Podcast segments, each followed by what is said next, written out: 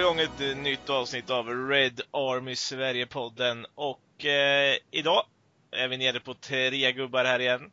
Det är jag, Jonas Andersson, jag har med mig Mikael Krikola, Adam Stenberg. Välkomna mina herrar. Tackar! Tack min herre. Ja, varsågoda. Eh, hur har ni det så här i coronatider? Lite, lite annorlunda känsla skulle jag säga. Eh, mår liksom eh, bra fysiskt, men fan det är lite oroligt och sådär. Och det märks i omgivningen. Lite som jag nämnde sist, man, man vet ju liksom inte vad som riktigt eh, händer och det är väl det som är det som jag känner är jobbigt då, att det är lite ovisst. Och eh, en sak som är säker är att om man har funderat på eh, jobbmässigt, om vi är på väg in i lågkonjunktur sedan ett år tillbaka så kan jag med garanterad säkerhet berätta att den är här nu. Och den kommer fortsätta ett tag. Det är bara frågan hur lång tid den är. Liksom. Mm. Corona kanske är över om ett halvår, men lågkonjunkturen den kommer bestå ett tag. Mm. Och det känns inte jättebra. Men det har vi varit med om förr och jorden har fortsatt snurra och så. Mm. Men det är för lite fotboll, eller hur? Precis. Ja, vi har det relativt bra ändå. Ja. Man ju säga. Och det är väl tur att vi har hälsan i behåll i alla fall. För det hoppas ja, jag men vi känns, det känns som att det var typ ett år sedan man såg fotboll senast. Ja, men visst gör det det. Det är lite den jag och det är väl lite där jag var inne på när jag frågade er också. Det är den där eh, känslan av tomhet någonstans. Sitter ju på något konstigt sätt och försöker förila mig in i en eh, football manager save med där jag ska få tillbaka eh, Blackburn till gamla storheter men det går ju sådär och det, det fyller ju inte riktigt det där man vill, man vill ha heller. Du får värva tillbaks Robbie Savage och Brad Friedel. Ja, och väcka till... Precis, ta in David Dunn som assisterande. Väcka Alan Smith, nej Alan Smith jag vet det, ja Alan Shearer till liv igen. Mårten Gams Pedersen ja, vispar vilken... in inlägg från vänsterkanten. Precis. Var inte Stuart Downing där ett tag också? Benny M. Nej, Downing är där Stuart nu. Downing? Han är där nu. Han uh, gick dit efter Middlesbrough. Han, ja. Jag tror han kan vara där nu ja. Riktigt jävla rövargäng de har där nu. Ja. Danny jag tror faktiskt Graham. Jag tror faktiskt Charlie att han är... Mulligan. Ja. Joe Rotwell, gammal ja. United. Och Corey Evans, John Evans bror, också gammal. Just det. Vilket rövargäng. Då börjar vi den här podden med att prata om Blackburn. Välkomna till Blackburn-podden! ja, nej men på tal om att det känns länge sedan. Jag tog ner en fotbollströja som jag satt upp på jobbet. Eh, jag skrev upp på min tavla på mitt kontor att uh, Manchester is red. Den har suttit där sedan vi mötte City. Det kändes som jag har suttit där ett år. Det kan bara fylla i där liksom. Det känns skitlänge sedan. Ja. Senast mötte Blask med City. Fan, det är inte så att man liksom vaknar i sömnen och kan berätta om den matchen, även fast den var minnesvärd. Det var länge sedan. det kan jag. Och... Ja, Jonas, du kan ju det. Du var ju där för fan. Men jag är ju fan inte där. Med tanke på eventuell promillehalt så ja, okay. får vi väl se hur mycket du kan. det, jag kan berätta om den, men eh, ni kan få definiera sanningen i det lite efteråt. Nej, du har läst om den sen. Precis. Vem assisterade McTominay till målet? Det eh, gjorde Ederson. Oj, Fan, bra? du var ju inte onykter. inte i slutet av matchen. Fråga istället vad som hände i första. ja, då är det tomt. Det var också Fred som, eh, som, som sprang på första bollen slagen utav eh, Ja, det är högst oklart i och för sig vem som slog den bollen till honom. Det kan ha varit James. Vad hände sen då? Ja, Fred hann inte fram och Ederson tog upp bollen och slängde iväg bollen. Eh, skulle kasta den till Fernandinho tror jag så, och kastade typ 10 meter framför och så sköt eh, McTominay på ett.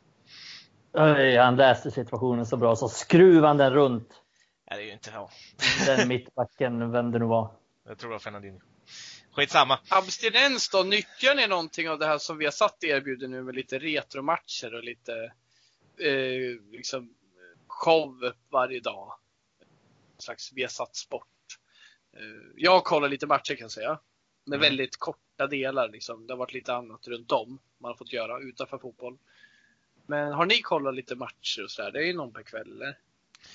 Ja, de sänder ju lite då och då. Sen ska de väl ha några stora matcher där de har studio och så varje helg, va? Är det väl tänkt, tror jag. Ja, ja men precis. Det var ju Arsenal-Liverpool Ja, jag kollade faktiskt på den. Jag gjorde också en stund. Mm, men har ni kollat liksom på kvällarna och sådär? Ja, ibland. Inte, inte alls faktiskt. Jag, jag såg ju United, eller Juventus United, som vi bevakade mm. på Red On i Sverige på, Just det. På Facebook och Twitter och så. Så jag följde matchen eh, där och rapporterade från den och så. Det får ni gärna skriva men, men till oss vad ni tyckte om. Eh, bara skriva PM på Facebook så kanske vi hittar på något liknande igen. Ifall det dyker upp läge. Mm. Precis. United, Juventus där. Ja.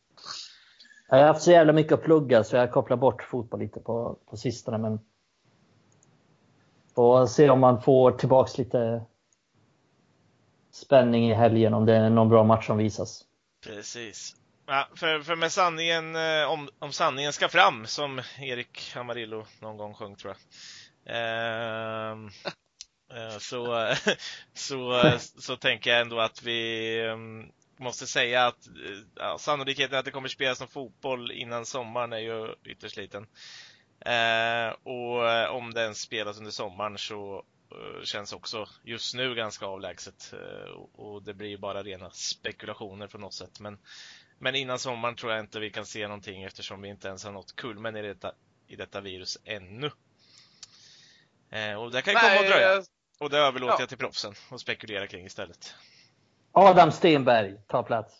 Jag skulle säga att det är lika säkert som att Ian Holloway säger, sätter upp DJ Campbell på topp i Blackpool. ingen, kan ingen kan relatera till det. 5 procent av våra lyssnare kan bara, ah, ah. håller med. oh. helt, helt rätt. Smal, smal. Smal referens. Yes. Nej, men jag tänker så här. Eh, vi ska väl prata om det vi har tänkt att prata om.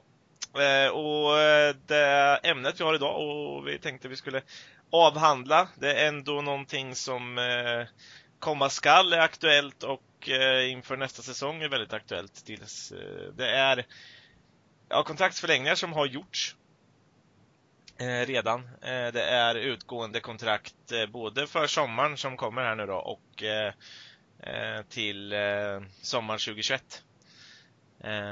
som blir aktuella att hantera under året och lite tyck och tänk om det. Då.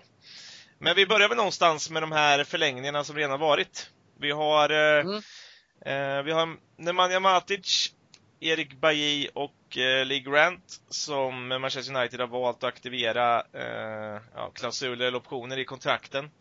Där Matic förlängs med eh, ett år då till 2021 eh, Lee Grant till 2021 och Bailly hade en option på att förlänga med två år. Så är det förlängt till 2022 och samtidigt i det här så har eh, Tahit Chong då som hade ett kontrakt som gick ut i somras förhandlat fram ett nytt kontrakt som går ut 2022 också. Eh, plus option. Plus option ja, på ett ytterligare tror jag va. Mm. Eh, men han fick sitt kontrakt i alla fall till slut, eller accepterade sitt kontrakt till slut. Det blev inget mm. Inter och annat som spekulerades för honom. Men ska vi ta och börja någonstans eh, vid eh, Taichung då? Eftersom han står lite själv i det där och han faktiskt har förhandlat fram någonting och det är inte klubben som aktiverat några optioner i något kontrakt. Mm. Ja, det är lite intressant. Han fick ju spela ganska mycket på slutet fast han inte hade förlängt något kontrakt. Så man, man hade ju nästan väntat sig lite att han skulle förlänga då eftersom han fick så pass mycket förtroende. Och ska sanningen fram så har han väl inte imponerat storligen i A-laget direkt. Han har ju varit han var väldigt bra i, i U23 och han, ja, han snittar ju. Jag kollade upp det här för någon, några veckor sedan, men någon, nu har jag inte siffrorna i skallen, men poängen var 58 minut eller någonting sånt. Mm. Så han har varit väldigt bra både målmässigt och assistmässigt i U23. Eh, men A-laget har gått lite tyngre. Han ser, han sett ganska valpig ut och haft svårt faktiskt, både fysiskt och, och spelmässigt där han inte riktigt har värderat situationerna rätt. Men jag har ändå sett en viss förbättring på slutet. Även om motståndet har varit lite svagare så har han assist både mot Lask och mot Klubb Brygge. Eh, så det är positivt. Jag tyckte han gjorde bra inhopp. Eh, bra insatser mot båda de lagen. Så eh, ja, det känns ändå vettigt. Alltså jag, tror, jag tror inte United har så mycket att förlora på att man, man förlänger med honom. Okej, okay, om man inte blir en superstjärna, men man kommer ändå få sålt honom. Man har inte så mycket att förlora på att förlänga med honom, helt enkelt. Mm. Däremot hade man kunnat få ångra sig om man inte förlängde med honom. Ja, men... um, ja, det är alltid lätt att säga ah, han har varit kass i A-laget. Liksom, han är kass. Han är... Det är så men... många som är snabba på att döma ut honom. Men det är, liksom, det är ganska hårt att säga kass, eller? Jag tycker han har sett, ja, valpig, han, han har sett valpig ut, absolut. Men han har inte varit kass. Jag tycker han har gjort en hel del insatser som ändå har varit så här. Ja, men jag ser någonting där. Det finns ändå någonting ja. som kan blomma ut. Och, och en del sådana här spelare, ja men de blommar vid 20, vid 22, 23 års ålder. Eh, så han, han, har ju ändå lite att gå på, alltså så sett. Eh, ja, men eller hur? Jag, jag, tror att folk är så jävla åldersfixerade vid det här. Är man inte en superstjärna vid 18-19? Jag har sett folk som har nämnt till exempel när Mason Greenwood har gjort två sämre matcher. Liksom. Ah, är han så bra egentligen? Mm. Snubben har precis fyllt 18 liksom. Chilla. Ja, och, men det är ju och, typ som Charlie Adam. Han var också late bloomer. Nej men alltså jag måste säga att eh, Chong, jag hade inte blivit ledsen om han drog. När han började snacka Nej, om inte heller, alltså, Men jag tycker faktiskt att eh, det är också det är helt sjukt att döma ut honom och säga att han räcker inte efter de här insatserna. Däremot att säga som många sagt, han behöver ett lån. Mm. Det är ju fullt naturligt. Han kommer tillbaka ett år senare. Ett år äldre, lite biffigare kanske, förhoppningsvis. Talanger har han ju. Men det är som ni säger, det är fan sjukt att döma ut därför eh, det är en sak. För han är lite klen nu. Men att säga, det är en annan sak att döma ut hans mentala, det här med att han vill gå då. Men döma ut honom för att han har presterat, det är orättvist. Det är inte, han, är, är inte, han är inte det första och sista som kommer vara lite klen i den åldern liksom. Nej, och vi pratar ju ändå... fysiskt. Pratar vi inte om en av de spelarna som har sett som en av de större talangerna i Holland de sista åren? Eh, alltså så här av holländska spelare. Eh, de har ju pratat rätt gott om Chong och han har alltid stått rätt högt upp i rang. Eh, jag mm. skulle säga det, får han nu med det här kontraktet, ja men jag, jag, jag, antar ju, och nu är det ju antaganden absolut, men att planen måste vara att till nästa år så, så, tyder det ju på att United försöker värva någonting och, och att Chong då kanske får en utlåning, en, en bra utlåning i Championship eller liknande. Alltså så. Där mm. han får spela och, och, och, försöka göra det här steget som många andra har gjort. Det är bara att kolla. Eh, det finns ju många bra exempel på det på bra spelare som har blivit bra genom att göra så. Tammy Abraham, Toan Sebe har ju mm. utvecklats något enormt genom att få spela ett år i Championship. Bara ta en United-spelare.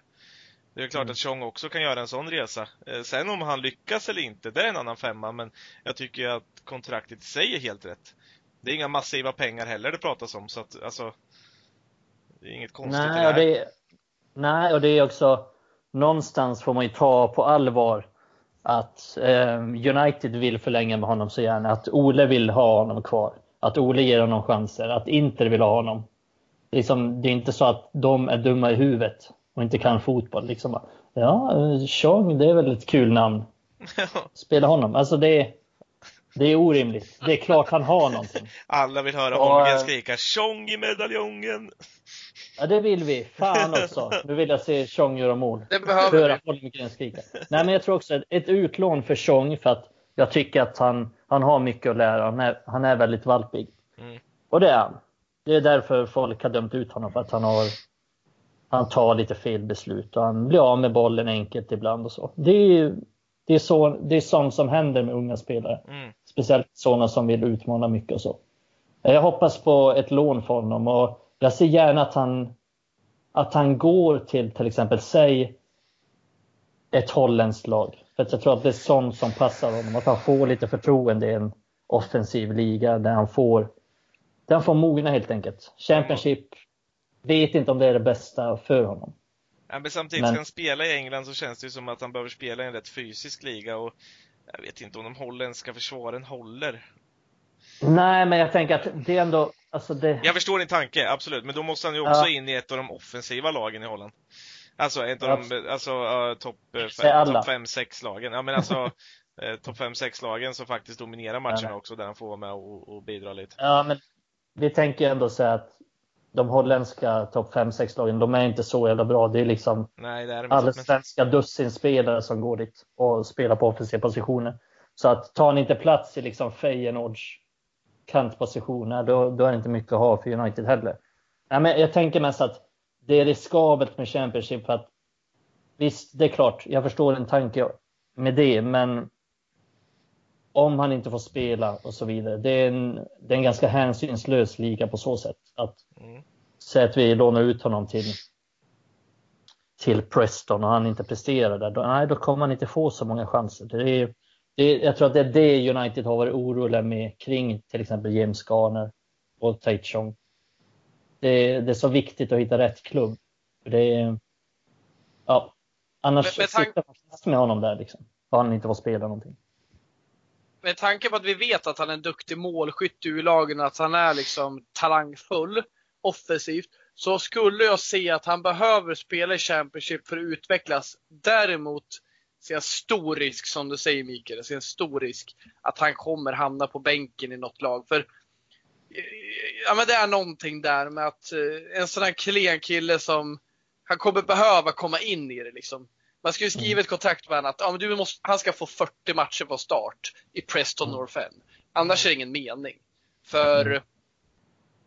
ja, men jag tror han, han behöver liksom, han behöver ett år där. För att styrka, så jag är rädd att eh, förstå mig rätt nu, men att ett år i Holland kan bli lite waste fram, för där vet vi att han kommer leverera. Däremot så vet vi inte om han kommer utvecklas fysiskt där, för han behöver inte, Nej, han behöver inte biffa på sig för att leverera i Holland. Var lite det jag var inne på också, Nej. att jag är lite orolig Min för att han... Ja, men det, det, jag, jag, är faktiskt med dig där, men det var lite det jag var inne på, att just att jag är inte säker på att de, de formerna av serier är, eller de former av ligor är rätt just för att utveckla det han behöver utveckla. För att tekniken och avslut och sånt där, det har han ju egentligen. Eh, för, för men jag, jag tänker, ja, men jag tänker beslutsfattande och sånt. Det kommer han vinna på mycket och, ha, och spela i Holland. Och jag tänker ändå, visst, den holländska ligan kanske, de fokuserar inte på förs försvarsspel så mycket, man möter ändå vuxna män. Jag tror att det ger mycket för ens liksom spela vecka in och vecka ut. På ja, det, det, är bättre än U23. Nivå. Ja, men precis. U23 är en jävla skitliga också. Så att mm. Den ger inte mycket utveckling till. Nej, det ger utveckling till de här som behöver, behöver slå sig upp. Det är jättebra för Elanga och, och Meshby mm. att få börja spela där. Eh, när de precis har kommit. Och, eller alltså så, slag, slår igenom lite. Ja, precis. Men det är, inte så, det är inte så mycket för Chong eller Garner. Men det, men det, är också spelare som ska, ja men Garner, Garner Levitt, båda två alltså sådana spelare. De måste ju ut. Det är också spelare som mm. behöver ut på lån. Uh, ja. Ska vi hoppa vidare till nästa lirare på listan? Shoot! Shoot! Vi kör på, eh, ja, vi pratade om honom eh, väldigt mycket förra veckan och jag tycker att eh, vill ni höra mer tankar om vad vi tycker och framförallt vad Bojan Djordjic tycker om Nemanja Matic så tycker jag ni går tillbaka och lyssnar på föregående avsnitt som heter Bojan och O'Sheas bussresa, om jag inte minns helt fel. Ehm, där, där får ni höra väldigt mycket smått och gott om Nemanja Matic. Men hans kontraktsituation har vi inte yttrat oss så mycket om. Och eh, den blev väl ganska nyligen här förlängd. Eh, eller de utnyttjade optionen då på att förlänga med ett år. Eh, och jag vet samtidigt där då att det har pratats om att man funderar på längre då med tanke på hans prestationer eh, som han ändå har bidragit med på sista tiden. Vad har vi att säga om, om Matic? Eh, vad tycker vi om den förlängningen? Kändes så jävla naturlig liksom. Ehm, det baserar jag på, ehm, jag kan förstå att folk har synpunkter på hur det ser ut framöver och vad vi ska satsa på och sådär. Vi har lite alternativ. Det är liksom inte helt lätt att bara peka ut vilka som är startspelare. Men det finns något i det här vi har snackat om tidigare med att vi har fått så jävla mycket bättre defensiv med Matic på plan.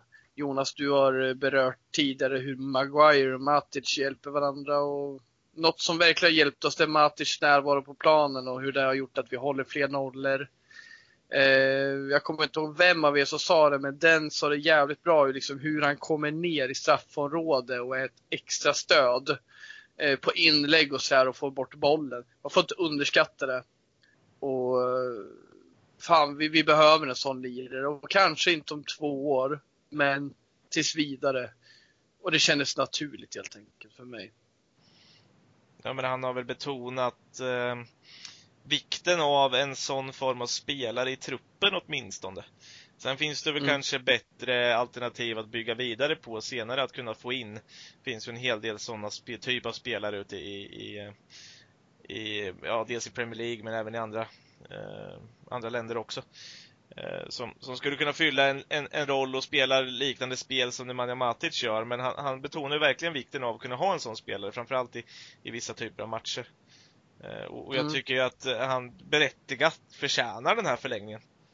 Eh, han förtjänar inte att gå nu i sommar. Framförallt inte med den här avslutningen. Ska man avsluta honom med att han är bland de bästa spelarna vi har eh, just nu. Alltså så i, i prestationsmässigt.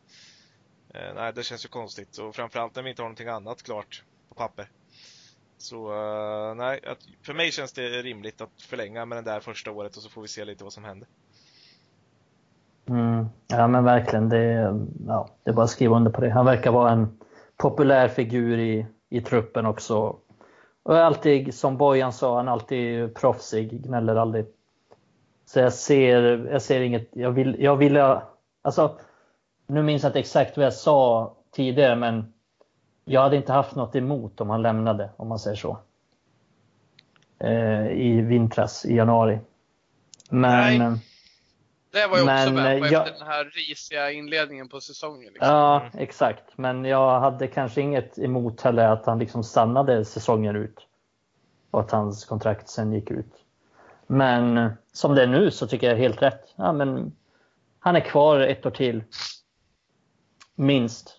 Det kan bli, jag vet att United vill förlänga med honom ännu ett år, ryktas det om. Ehm, det har jag inte hunnit ta ställning till, men ett år känns rimligt. Och just nu, som ni säger, så, så är han tillräckligt bra för det. Och vi har inget vi har ingen riktig ersättare för just honom. Vi har ingen som gör de här grejerna som kommer ner i vårt straffområde och nickar bort bollar. Som jag tyckte Michael Carrick var jävligt underskattad i. i. Många tänker på Carricks passningsspel och så, men men det Carrick också gjorde bra var att han kom ner i straffområdet och tog bort han tog bort många inlägg med sitt huvudspel. Mm. Och det tycker jag Matic också gör med viktiga brytningar som, som man inte alltid tänker på. Så att eh, nej, det, det, det är gött att ha kvar honom. Det känns tryggt. Ja, men precis. Han inger ju någon form av trygghet och det tror jag du du är inne och snuddar på något viktigt där också. Eh, just det här att han verkar omtyckt i spelartruppen. Jag tror att han är en trygghet för den också och för många andra spelare. Eh, en trygghet ja. för Fred att känna av att han har Matic. En trygghet för McTominay att veta om att Matic finns. En trygghet för Bruno Fernandes. Alltså det är en trygghet för många. En trygghet för Maguire att veta vem som är framför honom. Eh, han behöver inte oroa sig att Fred springer runt som en yr höna ibland. Även om Fred också har gjort otroligt bra. Utan han vet att ja, men då finns Matic där som, som städar lite. Ja men verkligen, och en inspiration för de yngre spelarna. Vi får inte glömma att vi har den yngsta truppen i, i Premier League. Och han är, en, han är en bra förebild för dem. Och som jag har läst så verkar han ha hjälpt kanske framförallt McTominay och några av de mm. yngre spelarna ganska mycket. Ja. Att jag, ja, jag ser honom som en bra förebild i, i det här truppbygget mot det nya. Mm. Och också som eh, Bojan sa där att eh, Eh, han har köpt att eh, han fick sitta på bänken för att eh, McTominay gjorde det så pass bra. Men han tog också sin chans när han väl fick den när McTominay åkte på sin skada. Och, och det, det förtjänar han all beröm för, även om vi har sågat honom tidigare under året. Eller under säsongen. Ja men så är det ju. Det är ändå, vi sågade honom och det tycker jag var rättmätigt. Han var dålig och det sa vi. Mm. Och det är ändå, man ska kunna ändra sig. Och, och ja, nu är han bra, då var han dålig. Det ibland är det inte svårare än så. Precis. Ja, vi rakar av eh, nästa namn på denna lista och då hoppar vi på nästa person som eh, vars kontrakt också går ut då 2021 istället. Det blir ju Lee Grant som fick en förlängning nu. Eh, trots en ganska allvarlig skada som håller honom borta ett tag nu. Ehm, eh, och eh, ja, enda anledningen jag kan se till att Lee Grant sitter kvar med sitt eh, är väl hans betydelse också för de yngre spelarna och betydelse för eh, Han känns ju som en extra ledare på något sätt i den här eh, truppen. En extra tränare, en extra kugge för Ole och dem. Bara som de här berättelserna om att han stannar kvar. Han är den som ställer upp och stannar kvar när, när Rashford och Greenwood och Martial vill skjuta efter träningarna. Så är han först mm. och, och, ställer upp för dem. Och, och sådana kommer ju alltid behövas i trupper också. Och han lever nog sin dröm när han får spela i en, eller vara med i en bättre trupp. Och han gjorde väl sin... Ja, Lee Grant är ju lite av Uniteds klassmorfar liksom. Mm. Han, eh, han håller, alltså så här, jag tror inte vi hade saknat honom om han inte försvann, men jag tror, inte, jag tror det finns någonting där. Jag tror han är nyttig liksom i gänget. Eh, så jag tror inte vi skulle sakna honom, men jag tror det finns någonting där. Det finns något med honom. Lite som ja. Matt Gilks var i Blackpool en gång i tiden. Ja, men alltså Lee Grant, jag, jag är, lite, jag, jag är lite tveksam. Eh, jag ser poängen ni, ni gör och jag kan hålla med till viss del. Han är säkert nyttig. Men jag tänker, Behövs han? Behövs det ett nytt kontrakt till honom? Men det är inte Behövs ett nytt kontrakt, det, det är ju bara en förlängning och jag tror det är förlängningen på ett år. Ja, men... Är, men är ju för just för att han ska vara där som en trygg morfar, det är inte för att han ska spela något speciellt. Uh... Om det handlar om att uh, Henderson kan, inte ska vara kvar, då är det inte bra. Menar, ja, men då menar du att vi kan anställa liksom en släkting till dig Jonas och gå in dit som en trygg morfar och liksom styra upp? Ja men alltså, förstå mig rätt, han har ju ändå rutinen från Premier League och jag tror att kommer han in i, för han var kvar i United så kommer han nog kunna vara en form av mentor till Dean Henderson när han kommer. Eh, som jag kanske inte Om ser... Dean Henderson ska komma in, då kanske Grant flyttar och det, det gör ju ingenting. Men jag ser någonting, det måste ju finnas en anledning till att man förlänger med den här killen liksom. Jag, jag det är jag... någonting man, det är någon anledning man har, för det är ju inte för att han är en grym målvakt, det är ju för att det kanske är samma anledning som Scott Carson är tredje målvakt i City. Ja, men det är ju. De vill men ha honom vi ifall... kan inte ha kvar Grant för att bara ha det. Liksom. Vi, det, det är någon slags, det är en jävligt angenäm tredje målvakt men Henderson måste ju in någonstans. Eh, ja, men om Henderson... Men om Henderson ja, kommer om så Henderson... är det ju inte Grant som drar, då är det Romero som drar. Ja, nej, det tror jag också. Men uh, om vi säger att Henderson kommer och, och, så ska Grant vara någon slags ledare till honom. Henderson säger bara fuck off, vem fan är du? Han Nej, inte, respekt inte ledare, alltså lite ment, alltså bara förstå mig rätt nu. Jag, jag, jag ser liksom inte problemet, han tjänar inga massiva pengar. Och vad jag, vad jag tror så är det ju att man kommer göra som med många andra sådana här spelare. Han kommer gå någon ledarutbildning nästa år. Eh, ta upp någonting sånt och så kommer han sluta med att han står som målvaktstränare. Men jag förstår lite vad Mikael är inne på. Du menar så här, okej, okay, eh, vad är det Lee Grant kan lära honom eh, som målvakt, eller? Är det ja, du menar Mikael? Va? Vad sa du? Va? Va? Vad sa du? Ja, men, jag bara försöker sitta och medla här. Ni håller ju på att slå ihjäl varandra. Jag bara. Nej men alltså, nej, men det, är, det är väl någonting med, jag känner så här, Grant, jag tror, är jäv, jag tror en jävligt bra lirare. Och det är min upplevelse. Sen mm. om han kommer lära Henderson så mycket som målvakt, det ser så här. Det var lite det jag frågade nu Mikael, om du var inne på. Mm kommer han liksom, eh, kommer Henderson omfamna hans info eh, som gammal Derby-målvakt liksom? Ja, men det är inte det jag menar att, det är inte det jag menar att han ska vara någon form av lärare så, utan det är mer en mentor om, eh, liksom ta hand om honom tillbaka in i klubben. Visa att ja, men du, du, du kan bli nummer ett om du bara vill. Alltså, förstår jag, jag, mm. jag tror sånt är viktigt. Alltså så, för jag tror inte David de Gia kommer vara den som gör det. Bara här, kom och ta min plats om du vill. Uh, nej, det, nej, det tror inte jag heller att det sker kommer vara. Så, och, och... Men, men, tror ni att de tror ni att Henderson inte att han behöver spanska det. lektioner eller? jag, tror inte att, jag tror inte att Henderson behöver en sån. Men... Nej, det, det, är möjligt, men, men, jag tror fortfarande inte att det är dåligt att uh, Grant är kvar. Jag ser verkligen inget, inget negativt i det. Och kommer Henderson tillbaka som sagt så är jag säker på att det inte är Grant som drar, det är Romero.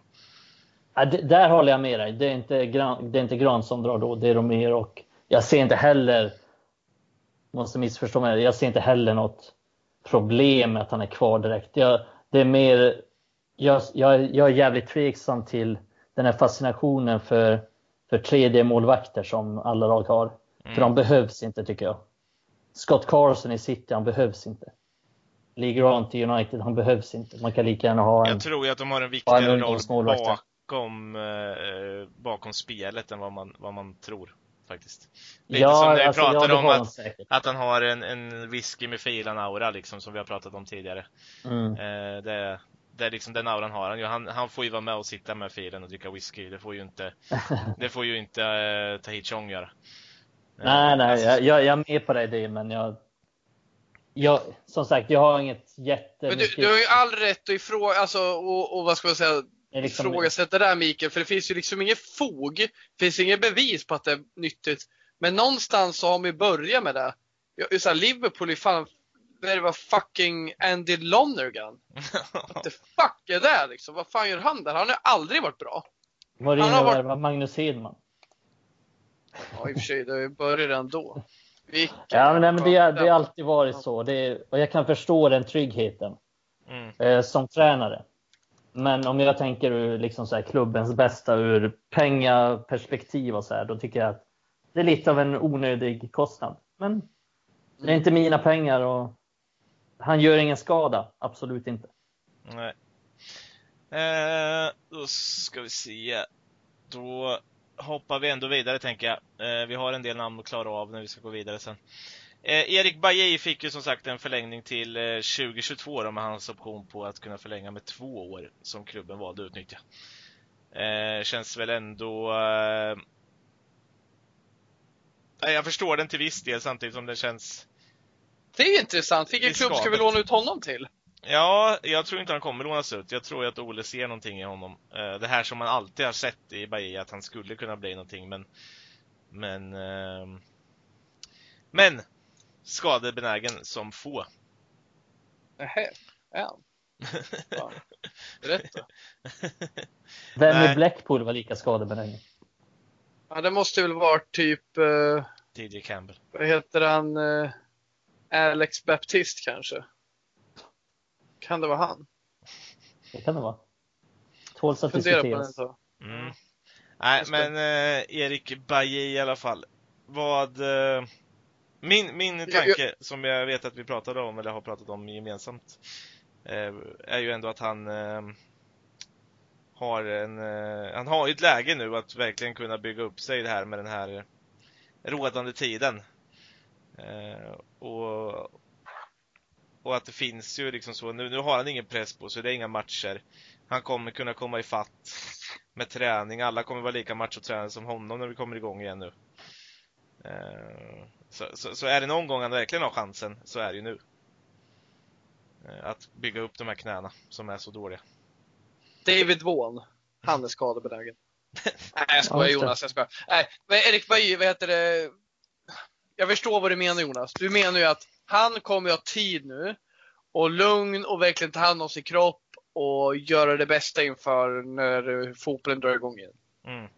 Det jag ser där, det är att jag upplever att Erik Bajy, det är en jävligt vältränad kille. Kanske den egentligen mest atletiska vi har i hela laget. Mm. Jävligt spänstig, eh, bra bryt i säker och sådär. Men jävla klumpig liksom. Så jag, jag känner att oavsett hur jävla förberedd han är för en säsong så kan du ändå göra en riktigt korkad eh, brytning eller någonting där han hamnar efter och slänger sig konstigt och liksom eh, sträcker sig. Och det, det, det, nej, fan. Jag håller inte med, men jag känner så överlag som med Bahia. Fan, väck med honom. Hur fan ska vi kunna, hur länge ska vi, nu har jag inte varit här skitlänge, men hur länge ska vi liksom satsa på honom? Mm. Det man får ha med sig är att för, eh, förlänger vi kontraktet med honom, då kommer vi ha kvar då kommer vi ha en, eh, en plats eh, upptagen. För någon mm. som fan knappt spelar liksom. Och i min värld, vi vet ju inte vad Toan Sebe blir. Vi, vi, vi gissar på att han kommer också bli skadebenägen. Men där är inte, det finns inget riktigt fog för än. Lite. Men Baji vet vi att oavsett hur jävla fräsch han är kommer han ju själv skada sig om inte annat. Jag har gett upp honom. Jag ser inte varför vi som fan har musklerna till att locka andra spelare inte titta på annat liksom. Det känns mm. jätteskumt. Jag tycker han är rätt överskattad om man ska vara ärlig. Tycker han, han gör någon bra match då och då. Han gör någon sån här idiotmatch där han slänger sig in i dueller liksom. En riktigt så här flashig spelare. Du vet, han slänger sig in och blockar ett skott. Han mm. syns för kamerorna. Jag tycker han är rätt överskattad. Han, är, han går bort sig mycket och han är... Han kan göra riktiga idiotgrejer och jag ser inte... Jag tycker att en mittback behöver vara stabil och behöver vara smart. Och jag tycker inte Erik Berg är någonting av det. Nej, och det här är jätteintressant Mikael, bara för att fylla på. Det är ju ingen som snackar så här om West Brown. Han var ju stabil som du sa. Han gjorde väl bort sig mm. någon gång, men samtidigt var han jävligt jämn. Bajy, mm. han, han har ju toppar som aldrig West Brown nådde. Men han har ju bottnar som aldrig West Brown nådde heller. Nej, precis. Och jag tycker inte hans, hans toppar är så jävla bra, om jag ska vara ärlig. Eh, visst, han har någon match där han gör en idiotmatch. Men jag tycker ändå inte att han har en hög nivå. Alltså jag tycker inte han håller en så hög nivå. Jag tycker mestadels han spelar så är han rätt medioker faktiskt. Så, jag, jag, blir, jag blir alltid orolig när han spelar. Ja. Nej, så jag tycker, många säger att han har så stor potential, men jag tycker inte det. Alltså jag ser ju vad de menar, att han, han är snabb och han är liksom så här brytningssäker. Han går in hårt i dueller, men jag tycker inte att han har de här grunderna som en bra mittback ska ha. Och sen tycker jag han är rätt svag i luftrummet också. Han är inte så bra där faktiskt. Och nej, han har inte det här, den grundläggande tryggheten och det här lugnet och den här smartheten som jag tycker att en mittback ska ha, som de bästa mittbackarna har. Även om man kan säga att eh, Sergio Ramos är ett fucking hothead som blir utvisad varannan match så, så har han ändå, han är smart som mittback. Det tycker jag inte att Bahia är. Jag tycker att han har bättre bolltempo än uh, Lindelöf i passningsspelen, men han har fan i mig inga bra, han är inte bra med boll. Det är jävla bluff. Nej. Folk snackar ju som att, ja men visst, han, han har tempo. Och jag tycker det går snabbare än när uh, Lindelöf har bollen. Men jag tycker han slarvar så jävla mycket med, med passningarna. Och det vi sett senast av honom, där har vi mycket med för att uh, han haft bra spelare, United i form runt sig vi hade ju någon match där, om det var, nu kommer jag inte ihåg exakt vilket det var, men jag var ju galen. Ni minns ju det. Eh, mm. Där gjorde han ju en grym match till slut, uh, sett till 90 minuter. Men första halvlek var ju helt bedrövlig i någon match vi hade. Hjälp mig nu. Mm. Det var väl mot Chelsea, va? Eller? Det var väl något bra lag vi mötte? Mm, det var ju någon när han slog bort bollar och tappade bollar hela tiden. Uh... Ja, och sen i andra halvlek var han skitbra. Ja. Vi var trebackslinje och Shaw var vänsterback. Mm. Ja, man, jag minns att det var mycket snack bara ut med... Ja, Lindelöf var väl sjuk, ja, så han ersatte ja. ja, det var Chelsea va? Ja. Och, och jag, jag var så här efter matchen, jag bara fan han var bra, jag köper det. Men i först, andra, i halvtid bara, vi måste ta ut honom för han har en risk. Och all så repar sig, men liksom han är risk. Och han slår bort mycket bollar. Och jag tycker inte att Lindelöf är så bra passningsbollspelare som många säger. Men han är fan i mig tryggare. Om ni förstår mm, vad jag menar. Mm. Ja, han det. lämnar inte lika mycket till ödet liksom. Nej, yes. och det är, minnet är ofta kort hos fotbollssupportrar. Gör man en, alltså det kan ju skilja sig från halvlek till halvlek liksom mellan geni och, och sopa. Så ja. är det. Ja men så är det ju. Det är, det är lite som du säger, du nämnde Greenwood förut, att ja, men folk bara, han gör två dåliga matcher eller två inte lika bra insatser. Men så glömmer man bort att han faktiskt är en av de som gjort mest mål i Europa League och han är 18 år och ja. Mm, det finns ett mycket att, att ta mm. på där. Nej, men, som, säger att folk det lider man ju själv av. Mm. Ja men det lider man ju själv av. Det är inte så att jag sitter och sätter mig själv på en hög häst. Det jag gör ju själv sådana saker, men det är, det är lätt som fotbollssupporter. Man har kort minne, jag vet själv hur det är. Mm. Yes. Eh, vi eh, ska väl flytta vidare. Vi har en hel del att, att hinna med här när det gäller kontrakt, så att jag tänker att vi tar oss vidare.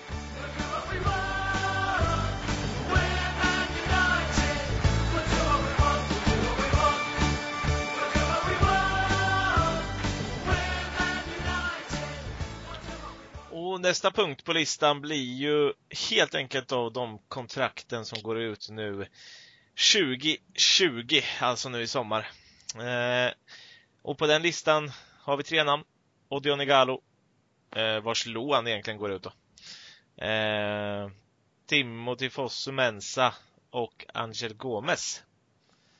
Eh, och gällande Odion Igalos vara eller icke vara i Manchester United så kan vi hänvisa tillbaka lite till avsnitt 28, eh, vad fan gör vi nu? Där vi faktiskt herrerar lite om, eh, eller herrerar, vi pratar lite om Eh, vad vi tycker om Igalos vara icke vara då. Eh, och, och, vad vi tycker om det. Eh, jag vet inte om ni har någonting att tillägga just nu direkt sådär om Odion. Eh, vad ni tycker eller inte tycker. Nej, vi diskuterade som sagt då. Eh, inte så mycket ändrats. Och lite på lönekrav och allt sånt. Mm. Och lite vad vi har tänkt med, med värvningar och så. Precis.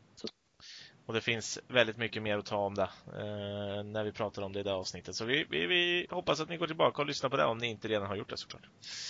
Eh, så vi tar och förhandlar av Timothy Fosu Mensa då. Denna talang som fick eh, spela under Fanchal första gången va? Var det inte så? Ja, det var ju då han fick. Ja, precis. Han fick fram Fick lite förtroende. Han vart eh, senast egentligen som han spelade A-lagsfotboll var ju under förra säsongen i Premier League när han var utlånad till eh, det riktigt svaga bottenlaget eh, Fulham. Eh, mm, och, det var inte bra. Nej, och sen blev han knäskadad på slutet. Han eh, gjorde en, en riktigt bra grej förra året och det var att han uppmätte den högsta hastigheten i hela ligan. Eh, Snabb är han. Precis.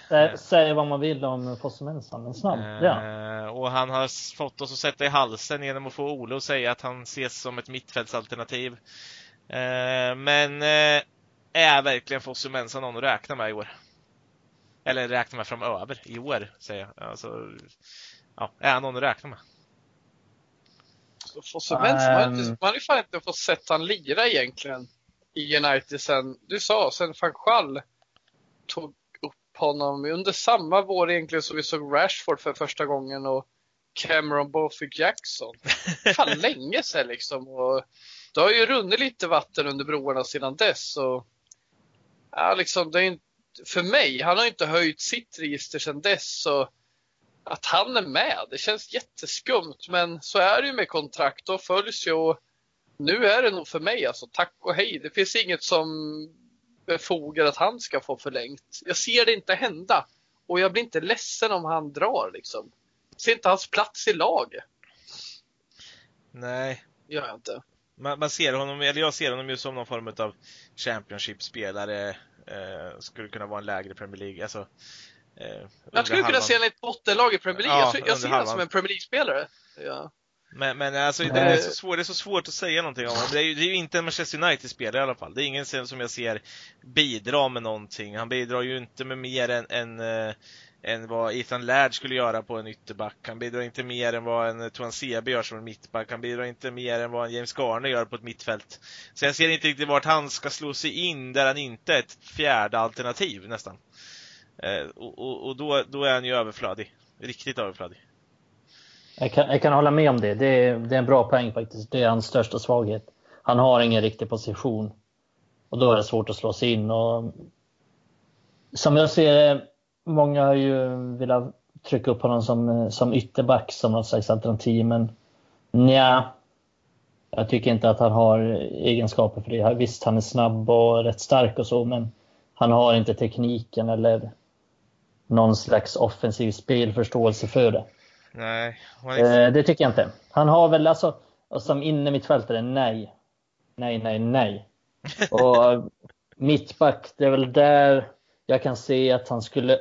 Det är den enda positionen jag skulle kunna se att han skulle kunna ha en, en framtid i United. Men då behöver han utveckla en rad olika grejer. Men det är där jag kan se att han skulle ha en funktion. För att han är snabb, han är stark och han är han läser ändå spelet rätt så bra. Ja, men är han men bättre han... än Tuan Sebe? Är han bättre nej, än Marie? Nej, det är han inte. Nej, det är han inte. Nej. Men det är där han skulle kunna ha någon slags potential och det är där han har haft sin potential. Mm. Sen har han ju fått det förstört ganska mycket av skador och så. Så just nu, nej, det, det är svårt att se honom ha en framtid i United. Helt klart. Det, det, är för långt bort liksom och kontraktet går mm. ut nu. Det, det, finns liksom ingen anledning att förlänga ett sånt kontrakt utan det är bättre att han får gå och så får han bygga upp sin karriär någon annanstans.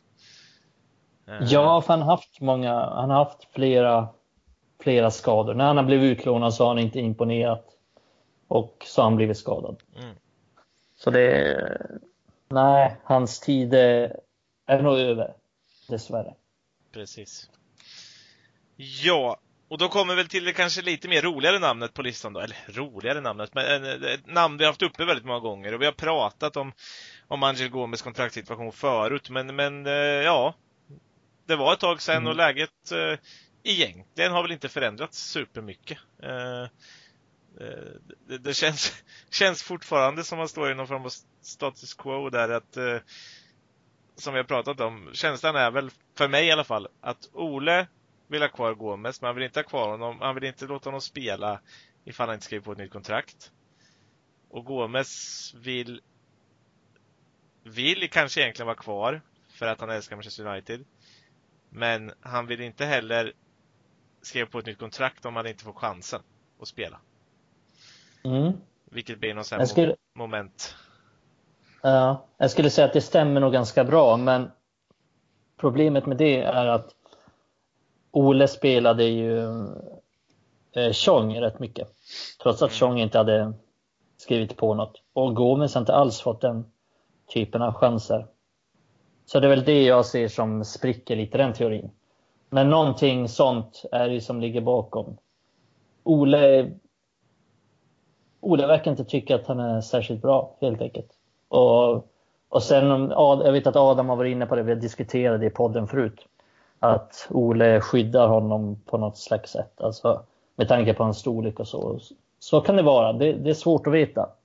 Men eh, min känsla är ändå, även om inget konkret har hänt, så är min känsla kring det hela att han kommer förlänga. Mm. Och det baserar jag på egentligen ingenting förutom min magkänsla och hur det liksom har sett ut. Han har gjort några intervjuer med MUTV och sådär. Eh, Gomes alltså, om, om hur mycket han älskar United. Och jag tror att det är skumt att göra den typen av intervjuer, både från klubbens sida och hans sida, om han sen skulle lämna som bossman. Mm. Så att jag tror att ja, det är något slags twist där, att de behöver bara komma överens, liksom, som, precis som i Chong. Men jag tror att de kommer komma överens till slut. Jag hoppas det i alla fall. För han är en... Han är också en sån där... Han är, han är 19 år nu, fyller, fyller 20 år i år, men han är också en sån som han behöver tid på sig. Han spelar också en sån position där, där man inte är som bäst när man är 19. Man är kanske som bäst när man är 26-27 där. Mm. Så det är ju... Eh, ja, jag tror att han har mycket potential i sig. Han behöver såklart växa till sig lite fysiskt och så och få lite mer speltid och komma in i det. Men går allting rätt? Jag tror det var Nicky Butt som sa att det är en så svår position att slå sig in i i världsfotbollen. Liksom. Du ska slå dig in som tia i Manchester City eller Manchester United. Du måste vara så jävla bra. Eh, och ja, det, det är ju ett problem såklart, men mm. han har potentialen att göra skillnad. Det är väl egentligen bara att kolla på eh om man nu ska ta City också. Phil Foden sitter väl i en liknande situation. Eh, Bernardo Silva mm. satt i en liknande situation och han fick till slut eh, anamma positionen som en ytter även fast det inte är hans ursprungsposition om man säger så. Där han var en lovande mm. talang utan det var ju också som tia. Och, och, ja, frågan är om Gomes kan göra det. Skulle han kunna göra det så har han ju en större chans såklart att få speltid. För jag tror att han får, skulle han vara bättre än Eh, visar samma som man gör i U23 som 10 även som ytter så skulle han nog gå före Chong. Eh, mm. Men, men, men han har ju inte varit bra när han får spela ytter och det är för att han inte är bra där. Eller alltså det är inte hans position. Nej, han, han är inte bra som ytter. Alltså särskilt bra. Han är ju en centralspelare. Han ska ha mycket boll. Han ska kombinera sig fram och han ska liksom ta en touch här, ta en touch där. Mm. Så han ska inte vara på en kant, så är det. Mm. Har Adam något att flika in med? Adam sitter och filar på något här. Nej, men det är ju som du sa Mikael förut, jag hade en bild av att eh, Solskär eventuellt skulle skydda honom eh, för jag tror att Solskär är smartare än att försumma en så stor talang. Eh, däremot bland annat eh, så lite speltid, alltså lite, han har märkts eh, i kupperna där du fick reda på hans bror när ni skrev. Det liksom tyder ju inte på att min tes eh, håller. Men eh, jag, jag vill bara fylla på. Jag tycker också att det här man sett nu i sociala medier med att han är i fokus och är med. Det känns som att de har någon plan där. Och min upplevelse är att jag tror att det här hade gjort klart något nytt kontrakt redan, kanske detta nu, om det inte varit för det som händer nu. Mm. Och det som händer nu är kanske anledningen också att ingen annan klubb är och rycker i honom. För eh, folk sitter liksom och permitterar, eh, eller klubbar sitter och permitterar sina spelare nu. Det är liksom inte läge att värva då. Nej, man, man slänger inte liksom flera miljoner på någon. Nej, det, det känns liksom. På annan spelare nu. Det är fel ordning någonstans. Så. Men jag håller med där Mikael säger. Mm. Jag tycker det. Gomes borde få förlänga. Det är en för stor talang för att inte förlänga med liksom. Han borde fått spela mer också, tycker jag. Lite fler chanser. Han har fått spela extremt lite. Och, och liksom, han har fått spela mindre än vad Garner har fått spela, mindre än, än Chong. Det är lite märkligt tycker jag. Det kan man tycka. Och framförallt när han till exempel hoppade in mot City, det var väl i andra matchen i kuppen där va? Det var i första mm, matchen. Och låg bakom målet. Ja. Eh... City, så det var lite märkligt. Han har inte fått någonting. Men det var första matchen när vi förlorade med 3-1 han hoppade in. Ja, eh, han hoppade in. Och han... Märkligt läge. Ja. ja. Han slog fram märkligt bollen. Märkligt läge att byta in. Ja, vad märkligt. Eh, men han slog fram bollen till Greenwood som serverade Rashford som gjorde mål. Ja, exakt. Ja, det, det, var lite, det var ett märkligt byte. Liksom. Bara, nu kommer Gomes in som aldrig har fått spela mm. mot City. Och, ja, men han gjorde ett bra inhopp då och sen har det inte blivit så mycket mer efter det heller. Så nej, lite märklig situation tycker jag. Han, ja. Även om han, man kan ha många åsikter om, om honom så tycker jag att han borde ha fått spela mer ändå. Absolut. Eh, och, och det, det, är nog ingen som säger emot där egentligen. Mer, mer chanser har ju funnits och, och, man hade ju, ja, nu har vi lovat att inte nämna Pereiras namn men, men jag måste göra det i en sån här situation och det är liksom När Pereira fått så mycket chanser och Gomes inte har fått någonting typ, då, då känns det väldigt märkligt. Ja, men också lite prioriteringar. Om vi mm. säger att Ole spelar ju nästan bättre lag borta mot Tranmere. Som är, ja, men det är ett lag i kris som kommer åka ut League ja. och spela League 2. Och vi vinner med liksom 6-0 och mm. Maguire kan promenera upp och skjuta in den. Att, ja, vi spelade ett märkligt starkt lag i den matchen och sen till exempel i Europa League, även fast det gick bra mot Klubb Brygge till slut så spelade vi ändå ett, hyfsa, ett svagare lag där. Mm. Kan, kan jag göra en repris? Jag får ursäkta de som har hört det här fem gånger redan under hösten och våren av poddar, men jag är helt okej okay av att man dissar eh, Gomes och har han på bänken eller har han utanför plan om han får spela nummer, eh, nummer 10 och gör bort sig i ett gäng matcher. Men som det sett ut nu har han knappt fått spela och absolut mm. inte fått spela i sin rätta position tillräckligt många gånger för att bedöma honom. Och där anser jag att Chong har bevisat att han har haft lite problem. Mm. Eh, Gomes har inte jag ens kunnat bedömt den. Vi pratade om det förut där med att göra rättvisa bedömningar, det har vi inte kunnat gjort om Gomes. Eh, sådär, så det är värt att påpeka ännu en gång. Liksom. Ja, Pereira har fått spela ganska mycket som tia utan att, utan att bidra. Och, eh, jag sa, vi har sagt det alla redan då att Gomes kommer inte vara sämre än Pereira en, en nummer 10-roll. Mm, det har vi inte riktigt kunnat bedöma, men vi har kunnat bedöma att Pereira inte håller i en 10-roll. Men han har ändå fått chansen hela tiden och det, ja, det, det är anmärkningsvärt. Vi har kunnat bedöma att Pereira inte håller på en fotbollsplan. Det, så ja, mycket har vi kunnat bedöma. Kanske i, i kanske fall... i din serie Jonas.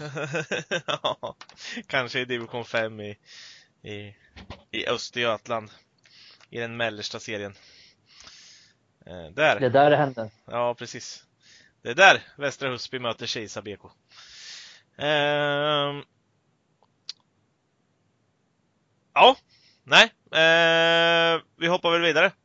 Eh, det där vi hade om, om Gomes. Och vi har lite utgående kontrakt då som kommer till eh, sommaren 2021 då, så att det är ju egentligen ett år kvar för United att ta lite beslut här.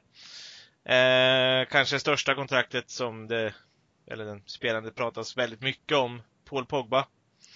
Men även Jesse Lingard har ett kontrakt som går ut då och han har gett sig in i någon form av eh, samarbete med eh, den där lilla tjockisen till agent, Mino Raiola. Eh, Juan Mata och eh, Sergio Romero har också kontrakt som går ut då. då.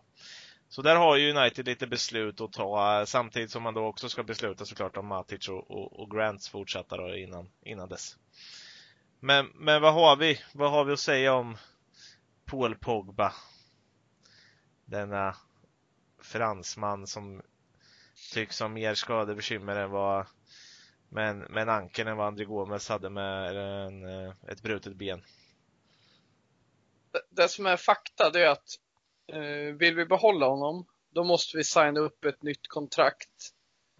Eh, komma överens med honom om ett nytt kontrakt eller komma överens med honom om att aktivera den här ettårsklausulen som finns. Förlänga det ett år till. Till 2022 då. Redan i sommar. Mm. Eller att sälja honom redan i sommar. Det finns liksom ingen mellanläge där vi liksom ska vänta. Gör vi inte klart med ett nytt kontrakt eller säljer honom i sommar, då kommer han gå billigt i januari. Eller kanske inte gå för någonting alls. Eh, då... Jag tror att hans agents affär, det är ju att tjäna stora pengar för honom. Och då är ju inte då att låta honom gå på free transfer. Eh, vill Pogba vara kvar och det finns tanken, då kommer de signa nu i sommar. Vill han inte vara kvar, nej, då eh, kommer Raiola se till att de säljs. Och jag är inte ledsen om han åker liksom. Och det baserar jag på att hans agent är fan livsfarlig för oss också. Det är han. Eh, vi kan säga vad han vill. Vi kan, jag kan säga här, vi kan säga vad han vill om vad han gör med Pogba. Det är jävligt mycket olika tankar om det. Men jag vet att han inte är bra för vår klubb och han ställer till mycket skit. Och Raiola har ju blivit jävligt sårad av alla situationer där med att Zlatan har fått lämna genom skadebekymmer. Mkhitaryan har lämnat. Han har ju startat ett jävla krig alltså. Mm. Jag vill bort med den där uslingen. Han är fruktansvärd. Han är farlig för oss. Jag påminner Han är farlig. Får jag slänga ur med tankesätt som ni kan bolla runt? För jag, jag, jag har suttit och di diskuterat med mig själv i ensamhet i, i denna karantäntid. Det eh, måste vi höra. Eh, ja, men vi, vi har Paul Pogba. Vi har en spelare som knappt har spelat under det här året. Vi har en spelare som värderas upp över miljard, eller runt miljarden i alla fall. Eh, hur många klubbar och vilka klubbar dels har ett måste att ha en Paul Pogba. Dels har pengarna att slänga iväg på en, en Pogba som inte är i form. Han har inte spelat speciellt mycket fotboll och han kommer vara väldigt ur form till att eh, den här tiden är över också. Vilka vill slänga iväg en miljard på honom? Och i det tankesättet också då. Om United ska ha kvar honom ja men då kommer han ju få förlika sig med, och alla kommer få förlika sig med att han inte kommer spela på sin, den här positionen som alla skrikit om. Tia-rollen är upptagen nu.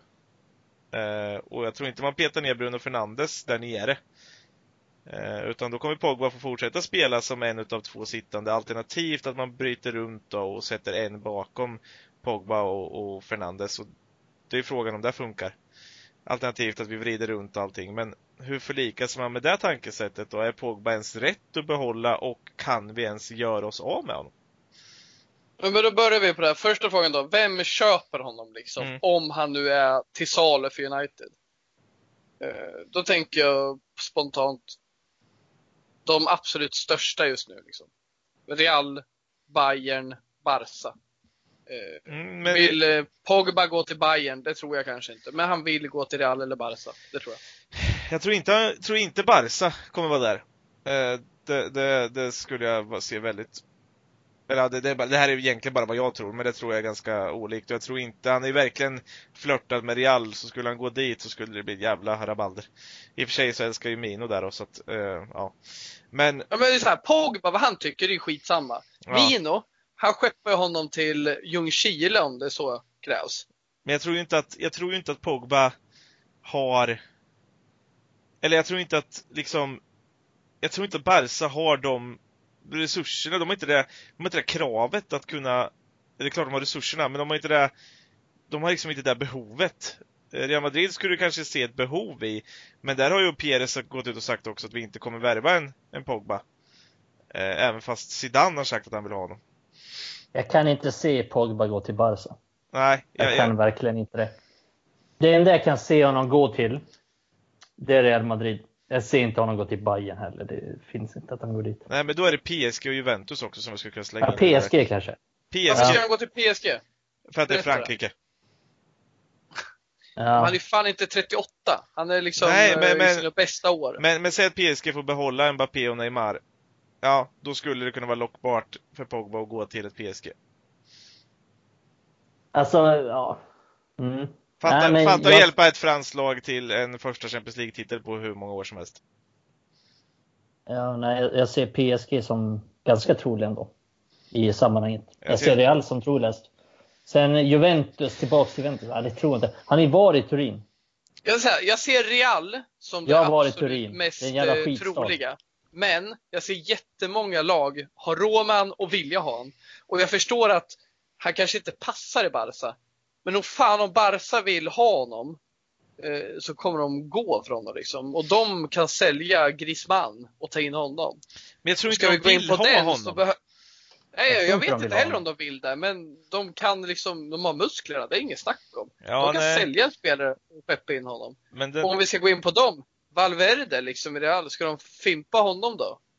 Nej men det är det jag säger, jag tror inte att de kommer, jag tror inte Real är ett, ett, ett det är ett mer klart alternativ än Barcelona, men det är ju inte ett alternativ det, ser, det känns inte som ett alternativ nu heller och det, det, det slutade i, och det var det enda jag fastnade vid, det är att PSG känns som det enda alternativet som Pogba kommer ha att välja på. Lite samma sak som det satt ett tag där med de Gia när vi satt och, man satt och tänkte på honom förra sommaren. Ja men Real behövde de inte, de har precis värvat Courtois, även om inte han har varit bra, och de kommer inte köpa de Gia då. Barcelona har till stegen och du vet, och allting är där. Och det var egentligen bara PSG som satt med en utgående Buffon. Eh, som kunde ha köpt de Gia då. Och det är lite samma sak här nu. Jag ser inte att Real har egentligen Ja men då ska de skeppa ganska många spelare för att de ska få in Pogba i det där också, i det där pusslet. Ja men det gör de!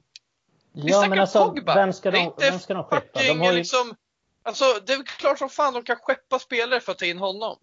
Ja, men jag tror de alltså, får inte underskatta hur jävla stor kompetens han har. Han, han har ett ja. arsel bredvid sig, han beter sig inte jättebra heller. Men det är en jävligt stor spelare liksom. Det är inte så att bara, fan, vi har liksom den där liran. Det är inte många som mäter sig med hans högsta nivå. Eh, även i de här klubbarna. För det är inte så att de har liksom slagit gnister om dem. Det finns Real, en anledning att Real tänker ju aldrig så. Real tänker ju aldrig så, någonsin. Att vi har den spelaren på uppgång. De tänker aldrig så. De, finns Pogba och de kan köpa honom, då gör de det. Men jag, jag tänker också, nu är jag ingen, nu är jag ingen liksom så här, följer Real Madrid varenda vecka, men de har ju ändå en, de har inte så jävla bra trupp nu. De har ju liksom så här, Modric som är 35 bast som de måste ersätta. Och Tony Kroos blir inte yngre heller. Även om han inte är lastgammal så är han inte ung direkt. Nej, men då ska ju Pogba igen, återigen ersätta på en position där han inte spelar som bäst. Ja, men det skiter de i. Bara de det skiter de i. Och det där, jag tycker samma med Barca. Och jag köper. Det är inte så att, vem passar Pogba i? Eller vilket lag? Det är inte så att jag skriker Barca liksom. Och jag förstår vad ni menar, men Barca har samma utmaningar. Det är inte så att de inte har en trupp på utgång. De måste också tänka om. Om det då är en spelare som vill bort och Raiola står och bankar med sina mjöliga händer på deras ruta. Tja, värva Pogba. Ja, men det är klart som fan att de kommer överväga det. Precis som samma anledning som de övervägde Zlatan, som inte passar in i Barca. Mm. Så, men för att komma någon vart. Vi alla kan väl vara överens om att liksom, ah, det är många som potentiellt öppnar plånboken om Pogba är liksom tillgänglig för 100 miljoner pund. Eller? Jag är, inte jag, jag, jag är inte så jävla säker på det heller. Det, är där jag, det var därför jag tog upp det här dilemmat och det var därför det är lite kul att diskutera Utveckla, också. men berätta för mig, jag fattar inte. Ja, men, Nej, men alltså... för att jag, om jag tar det här nu, så du tog det första gången Jonas. Nej, men alltså jag, jag tror inte att det är inte så jävla många klubbar som har råd med 100 miljoner. Jag tror faktiskt inte det. Ehm, och Pogba också, han är inte så het på marknaden som han var tidigare. Alltså det är inte den hypen kring honom. Men jag, jag tror att det är Real och det är PSG. Juventus, har de råd med honom? Nej, det Jag tror inte jag heller, men det är om de skeppar Dybala. Det, det är Ja, där alltså vi det- får ha med oss här. Att alla de här lagen har ju någon spelare. Det är inte en Ja. Barca-värvning. Alltså jag kan inte se Nej. honom gå till Barca. Ja, det Barca är lika Nej, otroligt och, som och Bayern det förstår München. jag, för han kanske inte passar in där. Men för att fråga, för vi måste ju börja någonstans. Vill några köpa? Kanske inte, men ja, det finns muskler. Mm. Vi kan ju bli av med han. För jag tror det där du nästan var inne på Jonas. Kommer Ja. vi kunna bli av med honom? Ja, det kommer vi. Vi Mm. måste ändå gå vidare i den här frågan. Okej, Mm. om vi då kan bli av med honom. Vill vi det? Ska vi göra oss av med honom? Vi har ett år kvar. Liksom. Ja, men och då Ska är, då är ju dilemmat där då. För antingen så gör vi bort oss. Han skriver inte på ett nytt kontrakt, han går som bossman 2021. Och då gör vi exakt samma fadäs som Sir Alex Ferguson gjorde då, kanske en gång i tiden. Eh, om man nu får kalla det så. Men Men också det här då, vart ska vi använda honom? Hur går han in i Ole Gunnar Solskjärs taktik? Jo, då måste... Nej, vi börjar nu. Vi börjar nu. Du Mm. har rätt Jonas, det tar vi sen. Fas 2 nu då. Mm. Ska vi behålla honom? Om vi kan. Om vi kan, vi säger så här, va? ja men vi kan behålla han för att eh, han vill, va, eller så här, han öppnar för att jag kan tänka mig att förhandla om ett nytt kontrakt. Mm. Mm. Ja, då tycker jag att han ska vara kvar. För att han är så pass bra och vi måste ändå ha in klasspelare, det måste vi. Ja. Ta in, det låter som att värva honom. Men det känns som en jävla värvning. Ja, men det känns som en värvning. Han har inte varit med i det här så kallade nybygget. Egentligen. Så att det, det blir lite som ett nyförvärv. Ja, alltså, så, så, så kan jag också vara med. Jag, alltså, skulle vi kunna få Pogba att spela så som han såg ut under en period med Zlatan där till exempel och lite sådär. Absolut. Man kommer alltid kunna få räkna med, om man har en Paul Pogba, att han inte är bäst eh, över 38 omgångar. Eh, så, han är inte en sån jämn spelare, men däremot så kommer han kunna vinna 15 omgångar åt oss nästan själv när han är som bäst. Eh, Mm. Men hur kan han vara så het när vi har honom, men inte när vi säljer honom? för folk har inte sett det på jättelänge, men vi får ändå se att vi har honom kvar. Och får inte Pogba något anbud, ja, vad ska han göra då? då? Ska han gå och sätta sig som... Jag tror inte Pogba heller vill gå som en bossman. Han vill ha det där eh, att han, han går för en miljard igen. Det tillfredsställer Ja, honom och eller hur? Han, han vill ha hypen, han vill ha liksom att alla vill ha honom. Om Så- han inte är så het på marknaden, då vill han ju bevisa en poäng. Och liksom, ja, men då, kan han, då tror jag att han ändå kan säga liksom, nej men jag har alltid velat vara kvar i United. Världens största klubb, nu kör vi. Nej, alltså, jag förstår det. Det är klart, jag är klart att om han inte är het på marknaden nu, jag gör kaninöron med mina fingrar, då är det klart att det är svårt att sälja han. Men jag ser inte varför han inte skulle vara het på marknaden. Det är ingen som har glömt hur jävla bra han är. Liksom. Men det är min Nej. tanke. Jag står Ja. kvar vid den. Liksom. Fan, det är inte Ja, men det är ju en fråga. vi snackar om. Nej men det är ju en fråga som är svår. Alltså det är ju en fråga och det är ju lite som vi kanske har sagt i andra eh, avsnitt också, att det, det är ju väldigt mycket spekulation i det vi sitter och pratar om just nu. Men samtidigt så bjuder han ju också in till spekulationerna och det gör ju även Raiola. Eh, Så sett. Eh, Men ja, Så är det. om vi flyttar över till tredje då. Passar han in om vi skulle behålla honom? Ja. Ja, det gör han. han skulle fan spela högerback för Dalot. ja. Ja men faktiskt, han skulle vara... Jag skojar inte när jag säger att han skulle vara... Äh, nu i och för sig, han blir säker rätt bra defensivt och så, men han skulle fan vara en av våra bästa högerbackar. Men han, och med det menar jag, han är så pass komplett som spelare. Han kan spela över hela mittfältet och ändå vara bland de bästa. Han skulle kunna spela striker tror jag var bra. Så ja, vi kommer få in honom. Det tror jag. Ja.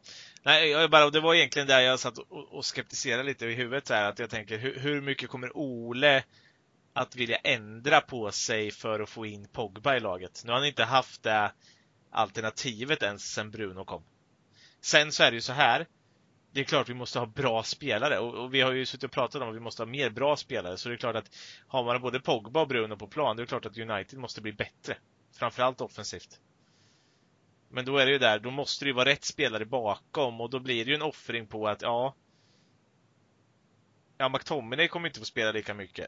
Det, det, kan vi ju nästan slå fast, för att han är inte så pass bra som ensamsittande. Matic klarar det, Fred skulle klara det i, i rätt typ av matcher. Nej men alltså vi precis som Ole skulle ligga sömnlösa om nätterna om vi skulle behöva ha in de här i samma elva varje match. Men nu mm. har vi liksom 50 plus matcher per år. Uh, så. Och, och, då behöver man inte ha alla spelare samtidigt på plan. Nej. Och det är klart det är jobbigt, men vi har ju snackat om det tidigare, det finns ju alternativ och sådär. Och, och kanske när vi möter ett jävla tråkigt Newcastle bara backar hem, ja då skulle vi kunna ha Pogba och Bruno på plan samtidigt och ha Matic som lankare. Vi kanske inte behöver riktigt McTominay i den matchen. Men däremot mot Everton, när de kör 4-4-2 det kommer bli jävligt mycket dynamik på mittfältet. Det kommer bli dueller, det kommer krävas lite löpstyrka. Och då fan saknar vi McTominay. Och kanske ja, Bruno eller Pogba får sitta på bänken. Nu ser jag inte Bruno göra det. Jag ser inte Pogba göra det heller. Jag förstår vad du menar. Mm. Däremot, fan, det är väl angenämt om vi ska ja, vara med i så många turneringar. Det är väl klart att det är angenämt. Ha fler men... spelare. Men, men jag bara ja, säger... men jag ser inte svart och vit, jag ser en gråzon här. Ge mig 5-6, jag kommer, vänta ett tag. Det är ju... ja, jag vet inte vad som händer här nu. Men det är ju det är, det är en balans liksom att ta in i det här, kan jag tycka. Eh, det, det är ju inte... Det är ju liksom inte ett, ett taget ur, ur, ur bara så här. Vi, vi måste ju ha, vi måste ju ha liksom. Jag är tillbaka. En, det är snyggt. Eh, då får ni höra på hur Adam Grannen Stenberg... var över och skulle låna mjöl. Grannen var från Bäck. på har, har du socker? Han hade fan en nackkrage. Den där. Och röda glasögon. Socker bindestreck Kent. Whisky. Ska mm, fin låt. Ja. Kents bästa låt. Eh, faktiskt Mikael. Nej, men, men om vi tar Pogba. Alltså det är ju det, det, är ju, alltså det jag, det jag tänker mest på det är ju balansen. Alltså, jag, jag har alltid varit en sån här balanssucker. Man måste ha balans i ett lag för att det ska liksom funka. eh, och, och, och jag ser jag vet inte om jag ser balansen för jag tycker ju att eh, man, man har hoppats på det tidigare och sådär och så. Men, men sen är det så här, ja, Bruno är ju tillräckligt bra för att kunna hantera en sån situation också. Så ja, det är klart att det kommer gå. Och det är klart att jag vill se det. Och det är klart att jag inte kommer halshugga det innan. Men jag är inte säker på att det kommer vara ett jättebra alternativ. Det är inte, det är inte så det skriker superbra för mig. Nej, jag kan hålla med dig Jonas. Jag ser inte det här med att liksom, okej, okay, Pogba in i nummer 10-rollen och sen ska vara Bruno ner som någon slags nummer 8 eller 6 bara för att få in dem tillsammans. För jag vill ha Bruno som 10. Ja. Sen kanske jag, det är jag, jag kanske vill se Pogba lite till vänster på ett tremanna mittfält med Bruno framför. Så det blir som en diamant. Det är det jag ser något tillsammans. Men jag vill inte ha ner Bruno som en, tio, eller som en central mittfältare, eh, mm. åtta eller sexa. För, för då tycker jag att hans eh, bästa attributer försvinner. Mm. Av det jag sett nu då. Och där tycker jag, jag tycker så här. Jag tycker Pogba eh, kanske inte lika bra defensivt som jag vill ha av en central mittfältare. Men när han är till vänster av en av tre, då tycker jag han är schysst. Mm, Men Bruno bra. framför vore fan intressant alltså. Jag vill ha den här diamanten. Jag vill se den här diamanten. Med Bruno som tia och Pogba lite till vänster på mittfältet. Och sen kanske, ja men säg McTominay och, och Matic. Matic som ankare då. Ett exempel bara. Sen kan man såklart ändra, ändra den. Men det hade varit intressant att se jag vill se dem tillsammans. Jag vill se det samarbetet. Jag tror att det United har något riktigt bra på gång om, om Pogba skulle få för sig att bli glad och stanna och skriva på. Mm. Då ser det, det väldigt bra ut. Det är en sån värvning utav Bruno som skulle kunna få det att hända. För jag tror det är lite där Pogba saknat. Det har inte varit de där ja. bra nyförvärven. Och, och, och säg då att man skulle landa, nu, nu höga spekulationer, men, men Jadon Sancho till exempel, på det då, då är det klart att det också skulle kunna förstärka en, en ett Pogba-förlängning. Att han ser att, ja, fan, vi, vi, plockar från en högre hylla nu. Nu fan. Ja, Nu ser jag någonting. Men också... jävligt rätt i Jonas. Det kan påverka ja. honom. Och exakt eh, tvärtom också. Att, att eh, det påverkar Sancho att komma till United. Ja. ja men Pogba för länge, Bruno kommer in, det är positiva vindar. Vad fan, klart det ska dit. Det, är, det tror jag. En, United spelar alltså, bra i slutet. Det, alltså... det tror jag är en stor anledning till att Sancho skulle komma. För i så sätt att, att spela, att United, att säsongen bryts nu och att United slutar med de här positiva vindarna ger ju ett lite större tryck in i ett, i ett transferfönster. Man står med lite högre rygg än om man hade gjort det när vi förlorade så där mycket matcher som vi gjorde ett tag där under perioden där i, ja, runt december och när vi torskade mot, hade vi slutat med en 2-0 torsk mot Burnley. Ja, det är ju klart fan det inte hade sett lika bra ut. Eh, men nu, nu, slutar vi. Vi slutar med en, med en, med en 2-0 vinst på City. Vi, vi, vi springer över slask och, och lite sådär. Och, och vi har, jag vet inte hur många matcher det var, men som vi inte förlorar på. Det är klart det ser bättre ut för ett lag. Eller för en, en spelare. Att fan, de har fått igång maskineriet. Ola har faktiskt lyckats med någonting här. Han lyckas behålla, han har fått in Bruno. Han har lyckats behålla, kanske få behålla Pogba. Skriver Pogba på, ja.